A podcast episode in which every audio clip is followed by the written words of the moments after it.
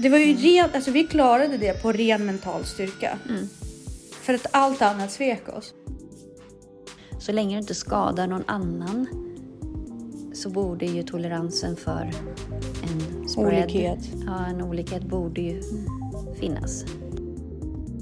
Nej, det är inte de som är invandrare. Nej, det är du som är rasist när du reagerar så. Det här med att vara överallt och låta mycket gör ju också att man kanske inte är så...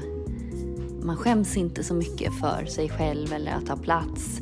Vilket gör att man, det är inte är så långt till att hjälpa andra Exakt. heller. Då hoppar han på bara, nej men corona är en skam. Oj. Och jag, och jag blev så lite ställd och Ja. det bara så här, men vad, vad, vad får, nej men det är bara en skam. Okej. Det är bara en vanlig influensa, ingen dör, det, man har bara hypat upp det. Eh, för, att, för att kriteriet egentligen på galenskap är ju att eh, din upplevelse avviker väldigt mycket från de runt omkring dig, gruppen runt omkring dig.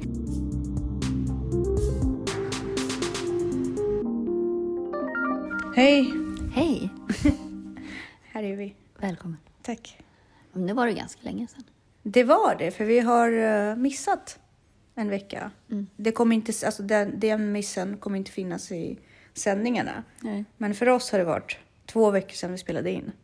Vilket är väldigt ovanligt.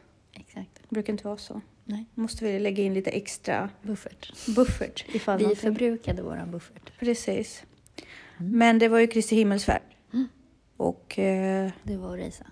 jag var och racea. Åh, vad vi verkligen, alltså snacka om verklighetsskapande. Vi, Det var med nöd och näppe som vi liksom klarade av att gå igenom besiktningen och kvalade in och allt det där. Och grejen är så att när jag satt där i den här situationen med en ganska trasig hoj, med deadlines, med en förare som också hela tiden tvivlade ändå på att vi skulle klara det och jag som emellanåt också tvivlade på att vi skulle klara det. Vad det är viktigt med mindset. Alltså det är så otroligt verklighetsskapande. Det fi- vi vet ju inte hur framtiden är. Nej. Men så fort man viker sig och bara nu ger vi upp. Då skapar man ju den framtiden. Du där man- skapar ju din egen verklighet. Precis. Och att bara gå, men, men oftast när man är i sin vardag så har man inte den här medvetenheten med sig. Därför att man lunkar ju på i ganska så programmerade rutiner. Men när man är där och liksom, det var ju på håret. Alltså det var ju verkligen på håret att vi klarade den bandagen. Vilket innebär att hade vi bara tvivlat på oss själva och inte pushat och vågat förlora liksom, vid mållinjen och bara inte kört för att vi var rädda för ett misslyckande, då hade vi inte klarat det. Nej. Det är ju så sjukt. Det var ju ren, alltså vi klarade det på ren mental styrka. För att allt annat svek oss. Och vi bara pushade och pushade, övertalade, övertalade de som satt i besiktningen, övertalade liksom oss själva. Bara du vet, ren och skär viljestyrka klarade vi oss igenom det och så kvalade vi in. Helt enormt. Helt enormt. Men den här mindsetet Ja, och gud. mindsetets kraft Ja. och hur man ser en verklighet och vår jäkla föreställning om att verklighet är verklig på ett helt annat sätt. Den är ju så plastisk. Mm, verkligen. Och just så här, hur, hur vet man? Men det är väl lite det vi ska prata om idag. Exakt, jag tänkte säga, där låter du en glida in. Nej, men jag fick en verkligen så här jaha-upplevelse, en riktig så här wow-känsla när vi själva skapade. Jag upplevde verkligen att vi skapade den stunden. Ja, men man får inte... det. Man får vara väldigt eh, här och nu, att man inte får skapa så många andra alternativ. Nej men exakt. Så att, eh, men vi säger eh, varmt Väl, välkomna till Ansvarspodden. Där vi lär oss att leva utvecklande och inte invecklande.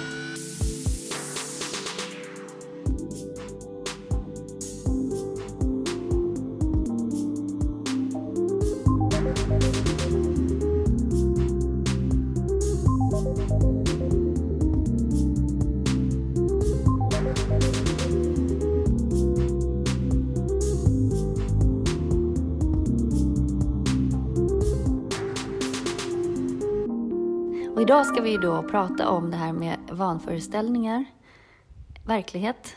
Och lite galenskap. Ja, och hur vet man vad som är verklighet och riktigt eller vad som är galet när man skapar sin egen värld. Alltså det är ju bara i våra huvuden. Men och, det är ju det. Och det som definierar galenskap är väl kanske hur pass mycket det avviker från den generella normen. Men ett helt samhälle kan ju också vara galet. Alltså absolut, absolut. Och det kommer vi också gå in lite grann på.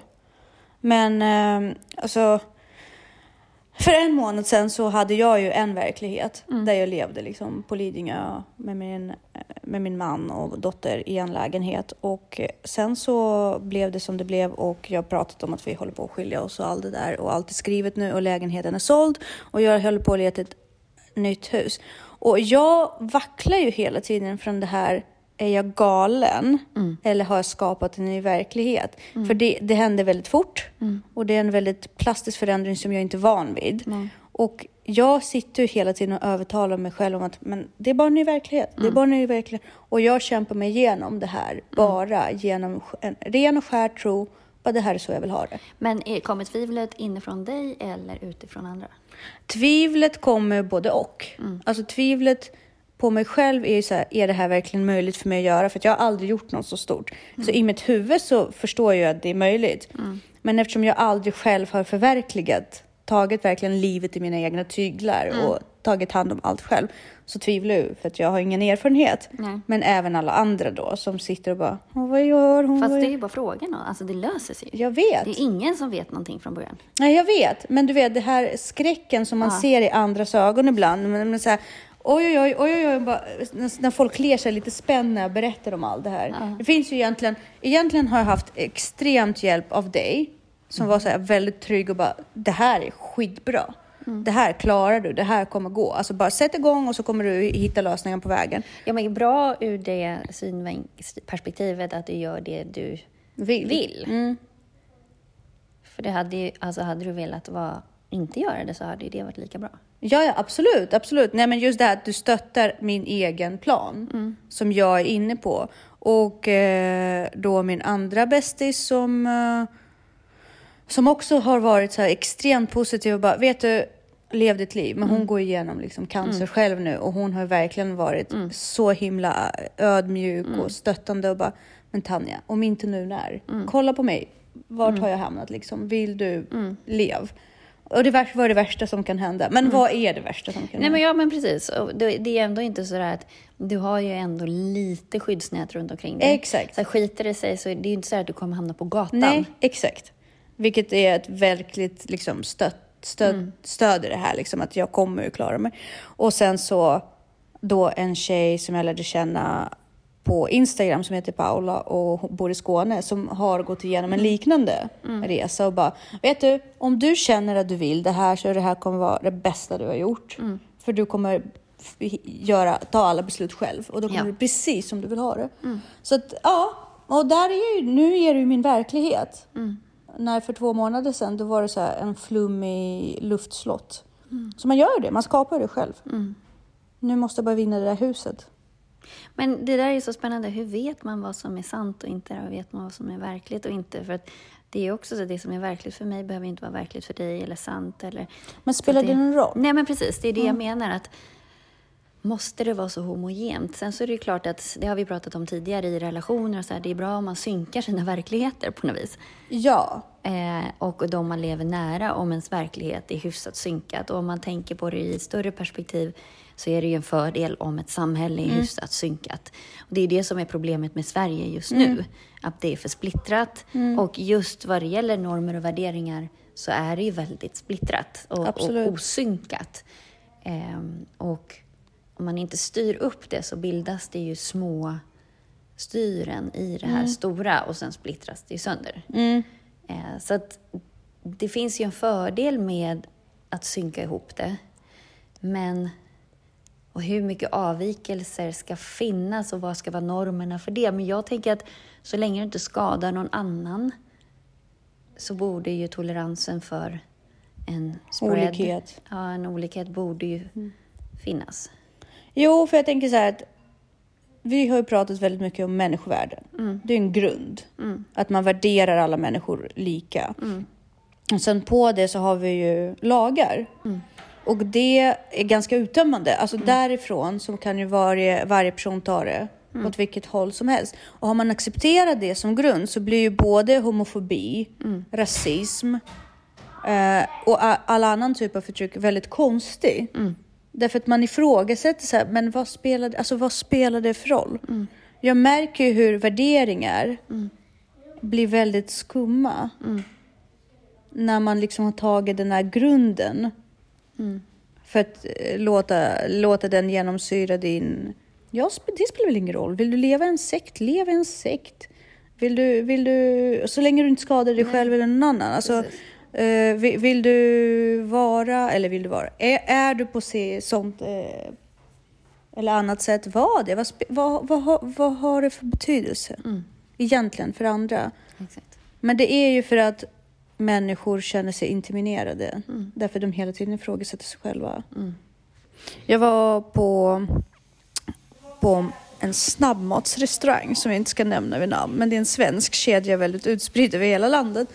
Och eh, vi var väl i Örebro tror jag och käkade och det är ju coronaregler och mm. där nere, Karlskoga och Örebro, de är ganska utsatta nu för deras eh, sjukvård är ju liksom mm.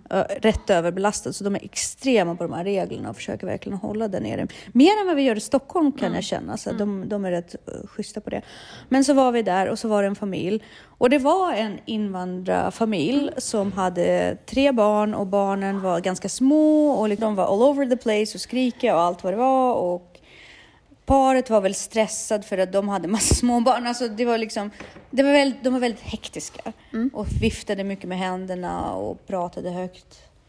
Jag tror att det var somaliska, men oavsett vilket så sällskapet som jag var med mm. reagerade på ett väldigt rasistiskt sätt. Liksom. Mm. Så här, Åh, det ska alltid vara så med invandrare och så vidare. Och så vidare. Och så tänker jag så här själv, hade jag haft tre barn mm. och varit stressad i en situation mm ja. så hade jag ju reagerat på precis samma sätt som den här familjen. Ja.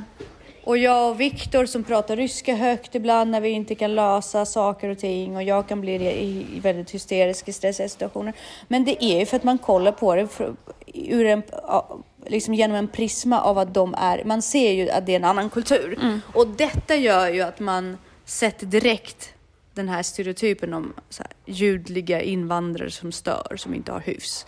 Ja, men det där är så intressant, för jag hörde en annan eh, berättelse där med eh, en tjej som eh, hennes barn satt i halsen när de var i eh, ja, på något köpcentrum i Skärholmen. Mm. På två sekunder var det ju folk framme och alla skulle hjälpa till och mm. ringa ambulansen och mm. skulle ge massa husmorstips ja, om hur man precis. skulle göra och sådär. Och sen hände samma sak ett par veckor senare i Vasastan. Mm. Ingen var, liksom, hjälpte till. Nej. Och då är också så här, det finns ju gott med det onda, eller vad man ska säga. Ja. Att, så här, det här med att vara överallt och låta mycket gör ju också att man kanske inte är så man skäms inte så mycket för sig själv eller att ta plats. Mm. Vilket gör att man, det är inte är så långt till att hjälpa andra Exakt. heller. Eller liksom att, så. Exakt. Hellre att äh, liksom, kanske eh, störa någons integritet en ja. gång för mycket än att inte hjälpa till om det behövs. Jag håller med. Och sen så tror jag att, eh, okej, okay, nu var de rätt högljudda så, visst absolut. Men det är också så här, det är en maxrestaurang. Mm. Alltså kom igen, mm. det är ju basically ja. barnens yta. Ja, alltså det är, det är inte en lyxig restaurang nej. mitt i stan där man nej. betalar lite extra för att få nej, sin kött, köttbit i lugn och ro. Så där känner jag så här, nej men du måste också kolla på arenan. Och ja. att, att gå, första man gör, gå till deras nationalitet mm. eller deras mm. avvikelse. Det handlar inte om att de är avvikande i sig. Det handlar bara om att man vill färga det. Ja. Och då måste man fråga sig. Ja, eller att det är vad som helst stör ens Ja, men precis. precis. Och då, då, då är man ju någonstans mm. rasist. Så är det ju. Därför ja. att och det, det, det, finns ju ingen annan sätt att tänka på det. Och det, vaneföreställning och vaneföreställning. Nej, det är inte de som är invandrare. Nej, det är du som är rasist när du reagerar så. Mm. Punkt slut. Ja, och att man... För att eh, fråga dig själv hur många morsor på bussen som inte säger till sina barn som är helt svenskar. Och barnen löper amok och de bara sitter och gungar med i bussens takt. Liksom. Och hur många gånger ifrågasätter du det utifrån typiskt svenskt beteende? Nej, men där, då blir det ju så här ouppfostrade... Alltså man ser fortfarande... Jävla lattemamma. Ja, men lite så. Ja, Alltså, men så här, alltså, förstår du? det, är, det är fortfarande, de flesta reagerar ju på beteenden som stör. Mm. Jag kan också bli helt fascinerad över att föräldrar inte säger till sina barn att de tar friheter och sådär. Ja, men det handlar väl om föräldrar, det handlar inte om nationaliteter. Nej, absolut inte. Exakt, men så fort man börjar luta sig Ja, åt det ja, här ja, och på något sätt göra anspråk på att men det här tillhör nationaliteten, då, då är man ju rasist. Mm. Och Sen kan man ju, det kommer man inte ifrån, att olika kulturer, inklusive vår egen, har ju Ja. olika drag. Alltså Absolut. vi är ju väldigt, kanske om man då hårdrar det, kalla och introverta och så i vår kultur. Absolut, och som sagt, gärna inte blanda sig in i andras angelägenheter och sådär. Men, och det håller jag med om, men där är, där är vi tillbaka. Bara för att det avviker från normen betyder inte att det är dåligt. Nej. Det är bara att, ja, men de är sådär. Ja. Men att färg, att genast tilldelar en färg eller en nationalitet eller någonting, det är där vi börjar glida lite på hal Absolut. is. Ja, ja, gud ja. Och därmed så kanske vi ska gå in när det handlar om galenskap och vaneföreställningen i ett helt samhälle. Ja, men precis. Eh, för, att, för att kriteriet egentligen på galenskap är ju att eh, din upplevelse avviker, eh, liksom avviker väldigt mycket från de runt omkring dig, gruppen runt omkring dig. Men även att man bibehåller sin tro med absolut övertygelse och inte, utan att man mer säger, men du förstår inte, det är liksom, eh, att det är en självklar sanning.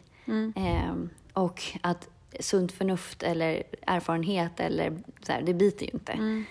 Ehm, och det är ju ett sätt att förklara saker som är jobbigt. Det är därför det kanske triggas av ett trauma eller något så, att det är liksom sista vägen ut på något vis. Eh, men också att personen som är galen är ju besatt, alltså har ju svårt att tänka på andra saker. Precis.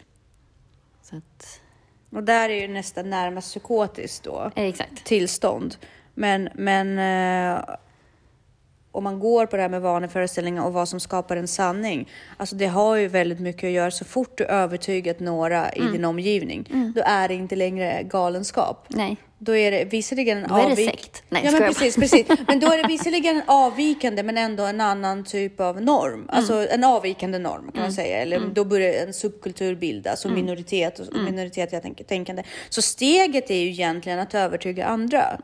Mm. Så att så fort fler joinar dig, då slutar du vara galen. Ja, men precis. Och vi har ju pratat om det här med gaslighting. Ja. Och sen så har vi också eh, pratat om det här med eh, konspirationsteorier. Ja, precis. Vilket också är extremt intressant för att... Eh, Mm. För det är ju en vanföreställning. Precis. Och eh, där träffade jag också en väldigt intressant familj eh, nyligen. Där frågade dottern som var 12, så här, hur är det med din skola nu?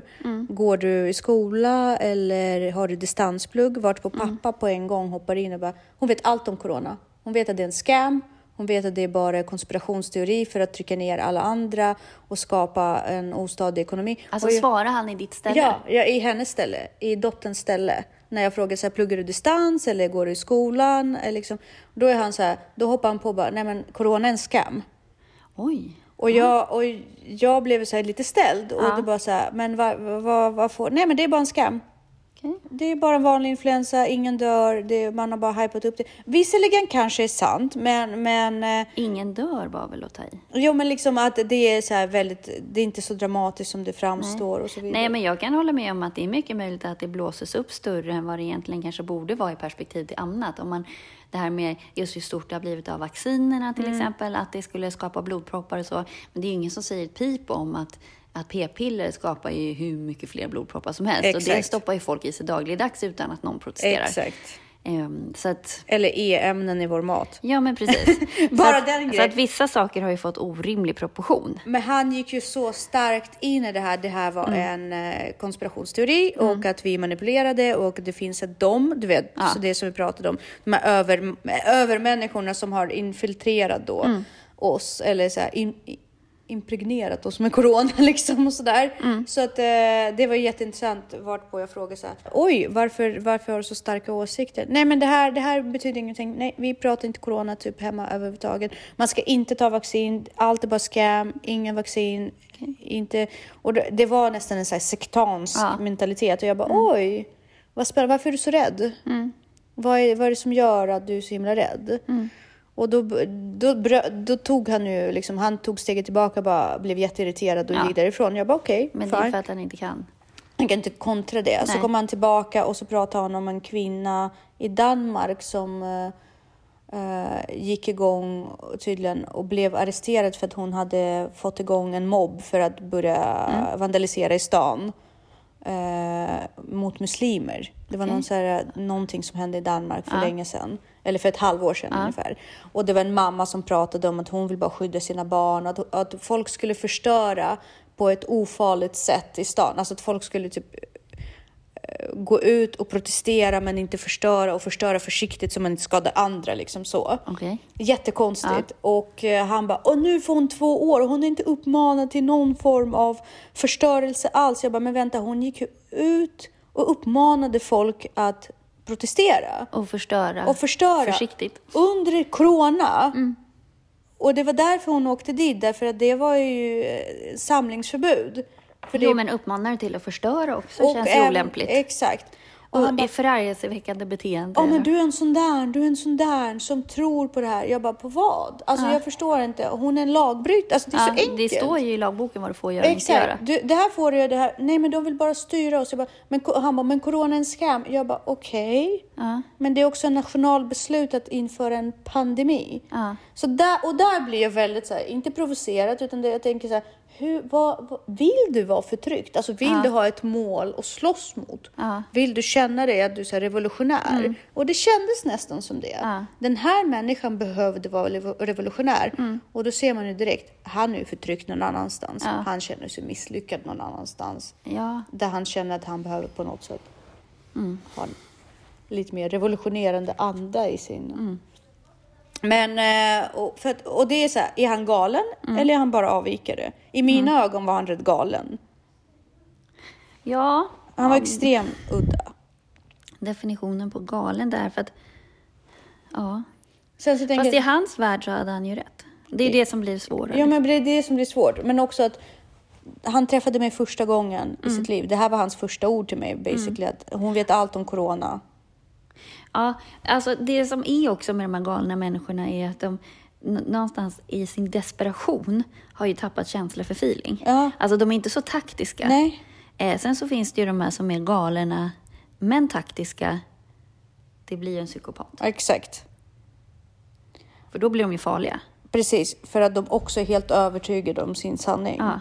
Och de är ju de människor som verkligen kan få en att tänka att verkligheten är något annat. Och så går vi Precis. in på gaslighting. Ja, och då är det ju också det här att man använder sig av retorik och lite smoothness i syfte att faktiskt övertyga. Den här personen du pratar om är ju bara desperat. Ja, Alltså, hans syfte är ju inte att övertyga, eller fast han, han vill nog övertyga, men han har ju ingen retorik för det överhuvudtaget, Nej. snarare tvärtom. Nej. Vilket gör att han misslyckas ju då. och där blev, där blev jag lite stolt över mig själv också. För det här var första gången som jag faktiskt kunde behålla lugnet och inte bli provocerad av det här sättet. Och bara, men vad, vad, vad, är, vad är syftet med att inte liksom, få oss att tro att, men liksom, hur, alltså, du måste ha, jag lyssnar gärna på dig, men vad är resonemanget bakom alla de här känslorna? Men det fanns ju inget resonemang. Och då blev han ju ännu mer frustrerad. För att jag inte gick igång på det. Nej. Uh, Ja, men det är som att det måste finnas en fiende också. mm, precis. Spännande om man hade bara så här, åh, vilken intressant tanke, du har nog rätt, utveckla. Ja. Om man kan utveckla. Ja, men precis. Och det, det är ju... Jag, jag gjorde ju några sådana försök, men det fanns ju inget där. Nej. Det är bara så här rakt övertygelse om att vi är styrda, vi är styrda, vi är styrda. Men på vilket sätt? Ja, men nej, men det fanns Men inget. sen så finns, det finns ju olika typer av vanföreställningar. Det finns ju primära vanföreställningar. Eh, och sen så finns det ju sekundära vanföreställningar. Ehm, och det är också lite spännande liksom att, att eh, liksom de primära eller de här sanna vanföreställningarna är då kan man inte liksom, då är det inget trauma eller liksom man kan inte se var kommer de här ifrån egentligen. Eh, det är ju liksom, Är det, är det den primära? ja, och personen är ju eh, medveten om att en förändring har skett, men som är svår att förklara. Eh, vilket gör att man då eh, försöker komma på en förklaring och så som blir... En vanföreställning. Ja, men precis. Men det är som... eh, vad heter den här boken från uh, Bard? Mm. Om språket. Jag minns... Um, body, nej, ja, i alla fall mänskliga maskiner. Han pratar om språket och hjärnans kapacitet att förklara till sig själv. Mm. Det är att vi tänker bara i associationer, det vill säga bilder. Mm. Men för att knyta ihop det så b- bildar vi ihop ett system i våra huvuden så att saker och ting bara hänger ihop. Mm. Och har man gjort flera avvikelser i det här systemet så Mm. liksom här, eh, här lägger vi på lite, Mm. en liten lapp så det överlappar, här lägger vi men de har ingenting med verkligheten att göra. Mm. Så blir det så att ens egen struktur av verkligheten avskiljer sig väldigt mycket Mm. från verkligheten och då har man en vaneföreställning därför att Mm. man har fått ihop ett system i sitt eget huvud som funkar i ens eget huvud.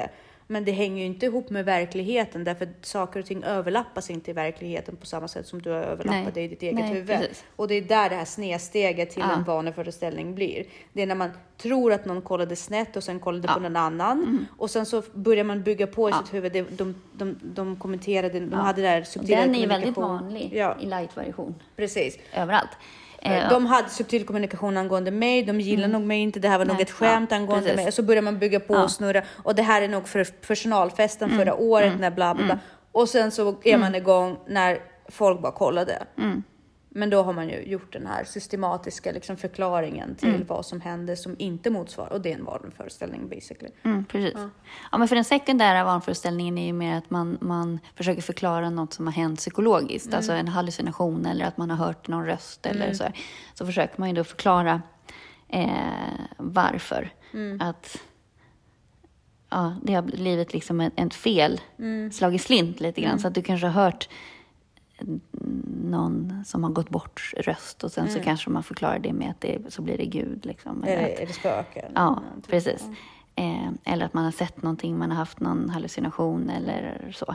Eh, Och de sekundära vaneföreställningarna är mer kliniska. Mm. Det är ju det som egentligen ska behandlas av psykologer, psykiatriker och medicin. precis.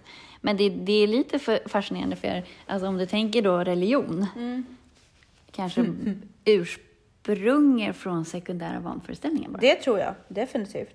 Definitivt. Och sen har man haft den här starka övertalningsförmågan då man har kunnat göra det till, eh, till primära vaneföreställningar hos andra till ett system som förklarar allt. Förklaringsmodell liksom. Ja, precis. som gick hem hos andra. Men första incitamentet var ju definitivt Ja, men om man har hört Gud. Ja men precis. Det incitamentet var definitivt sekundära vaneföreställningar, ren galenskap. Som man sen använde för att etablera en struktur och då gick ju det galenskap till etablerad norm. Men man är ju inne och tassar på det här ibland. Du har ju de här vanföreställningarna om att vara kontrollerad. Alltså att mina tankar eller handlingar inte är mina egentligen. Att det är någon kraft att vara besatt. Eh, sen så finns det ju de här kroppsliga vanföreställningarna.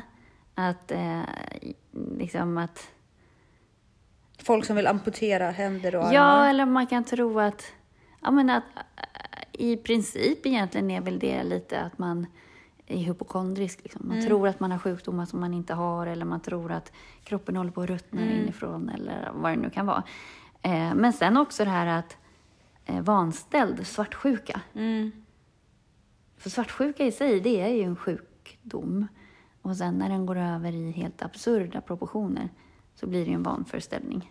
Ja, precis. Och där ser man också så hot utifrån och allt det där. Och det, det är ju väldigt intressant. Jag går ju nu hos en psykolog som är extremt provocerande för att hon bekräftar inte mig Nej. i mina saker. Bara, varför letar du förklaringsmodeller till allt? Varför kan du inte bara låta saker och ting vara? Och när hon sa det, Mm, men det ger ju ett lugn. exakt, och hon bara, men varför kan du inte vara olugn? Varför kan du inte bara låta saker vara Men det, är, okontrollerade? det är ju väldigt många som har svårt. Alltså, så här, det känns som naturligt att de flesta vill ha åtminstone en ödestro.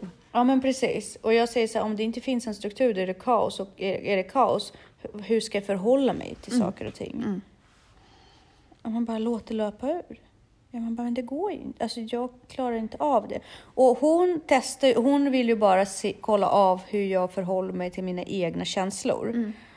Och testa den saken. Men jag har märkt att det är extremt provocerande för mig när mina förklaringsmodeller ifrågasätts, alltså syftet med Ja, dem ifrågasätts. precis. Inte att själva modellen Nej. ifrågasätts, utan att syftet med modellen ifrågasätts. Jag kan förstå när folk ifrågasätter, men hur funkar just det här?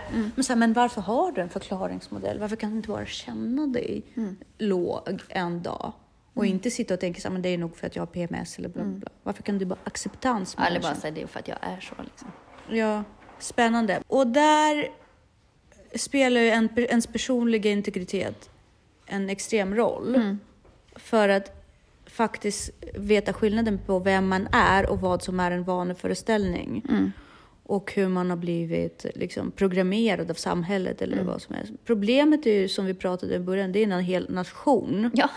är galen, alltså fullkomligt galen. Och det, det, det är ju extremt provocerande, för nu pratar jag liksom Israel och Palestina-konflikten.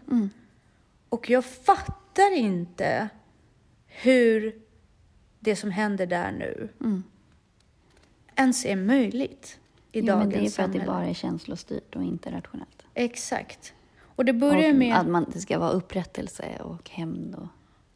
Ja, men vet du vad jag blir så himla, himla så provocerad av? Det är att judar har ju gått igenom en utrotning under andra världskriget.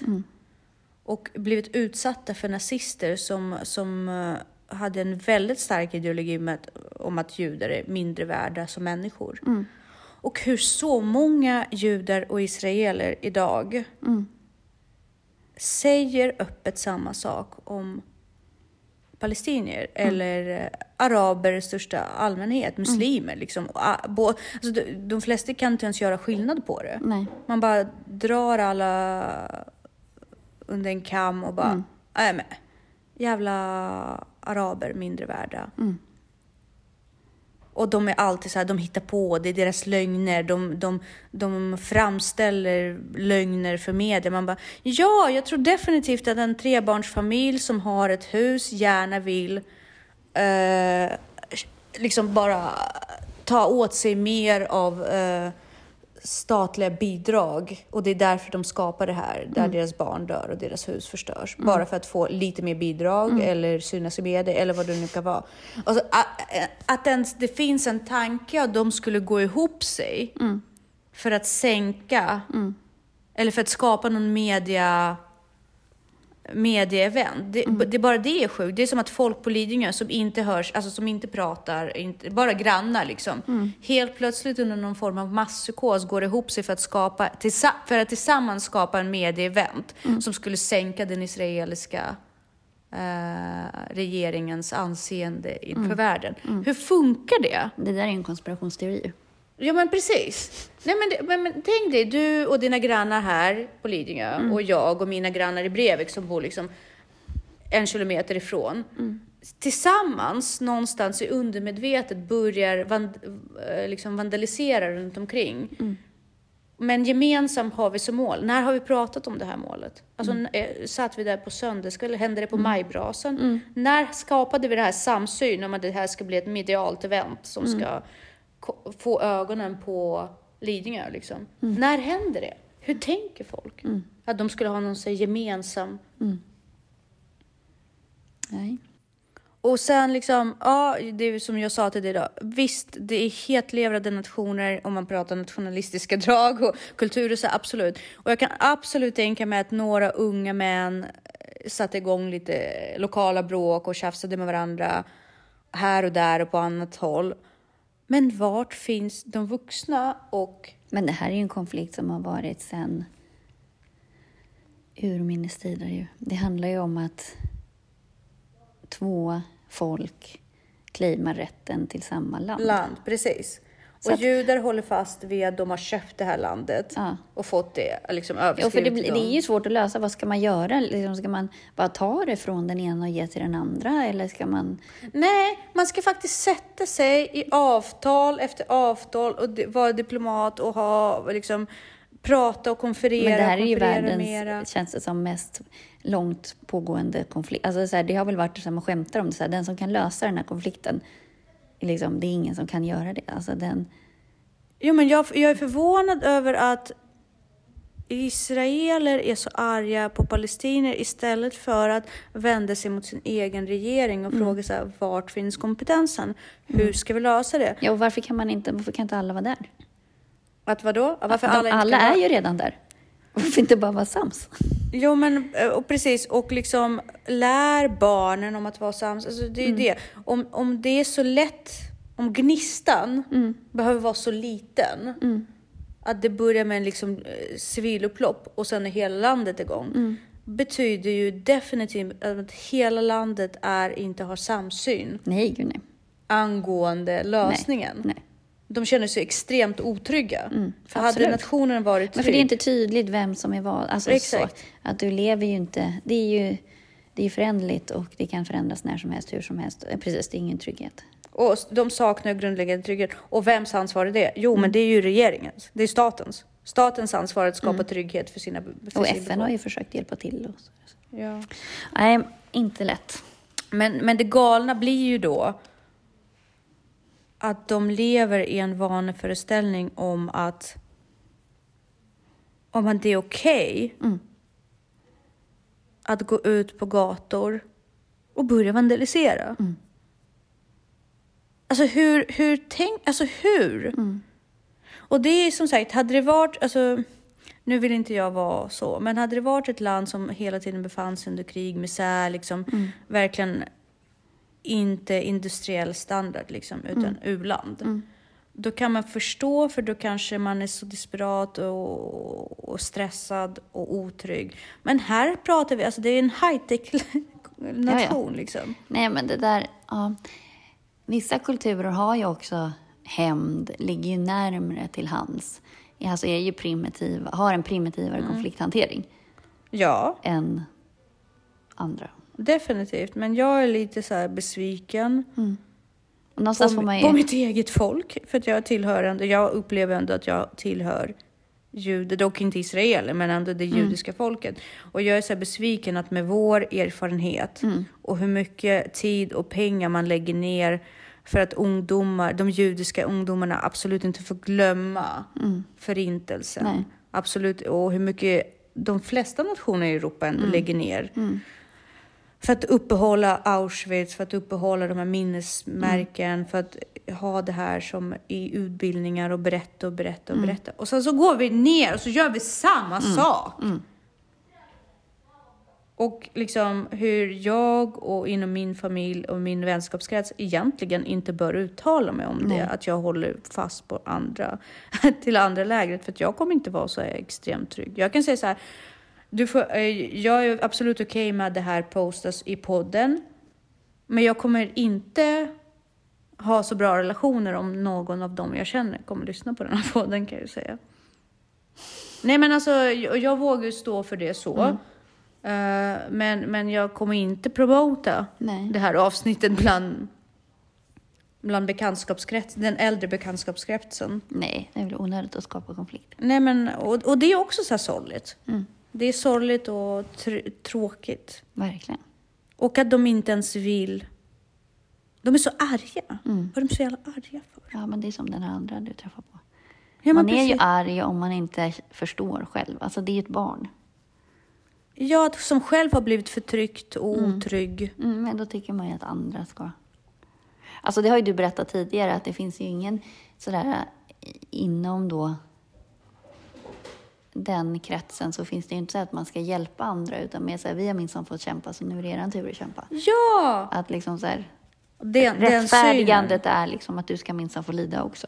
Det är så konstigt. Och det, det är den, jag tror att det är den triggern liksom som kommer göra att jag i slutändan inte längre känner mig som liksom att jag tillhör den skaran. Utan att jag har gått vidare och på något sätt assimilerats mer och blivit mer Jo men du har väl hamnat i ett skifte där liksom, det skaver ju för att din människosyn är någon helt annan. Exakt. Vilket är ju... Och där är ju där, där är det viktigt att komma ihåg att har du, alltså det spelar ingen roll vad alla runt omkring dig säger. Och är du galen så får du fan vara det. Men om du känner att det strider mot, mot människosyn, då är det fel. Då är det miljön, byt Precis. miljö. Därför att Dalai Lama sa liksom att du har alltid något gemensamt med varje människa på jorden. Det är vilja att vara lyckliga. Eh, om du erkänner att du bara vill vara lycklig och din motpart bara vill vara lycklig och accepterar bara att hans väg till lycka är annat så kan man alltid hitta en gemensam lösning. Exakt. Och om något inte är en vaneföreställning så tror jag att det är något man kan verkligen vara trygg med om man tar med sig. Verkligen. Ska vi eh, bryta?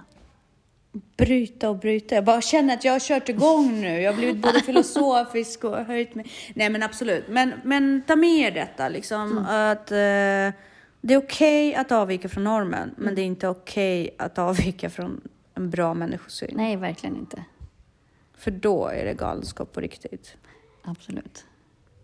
Ha det så bra. Verkligen. Hej då. Vi ses nästa vecka.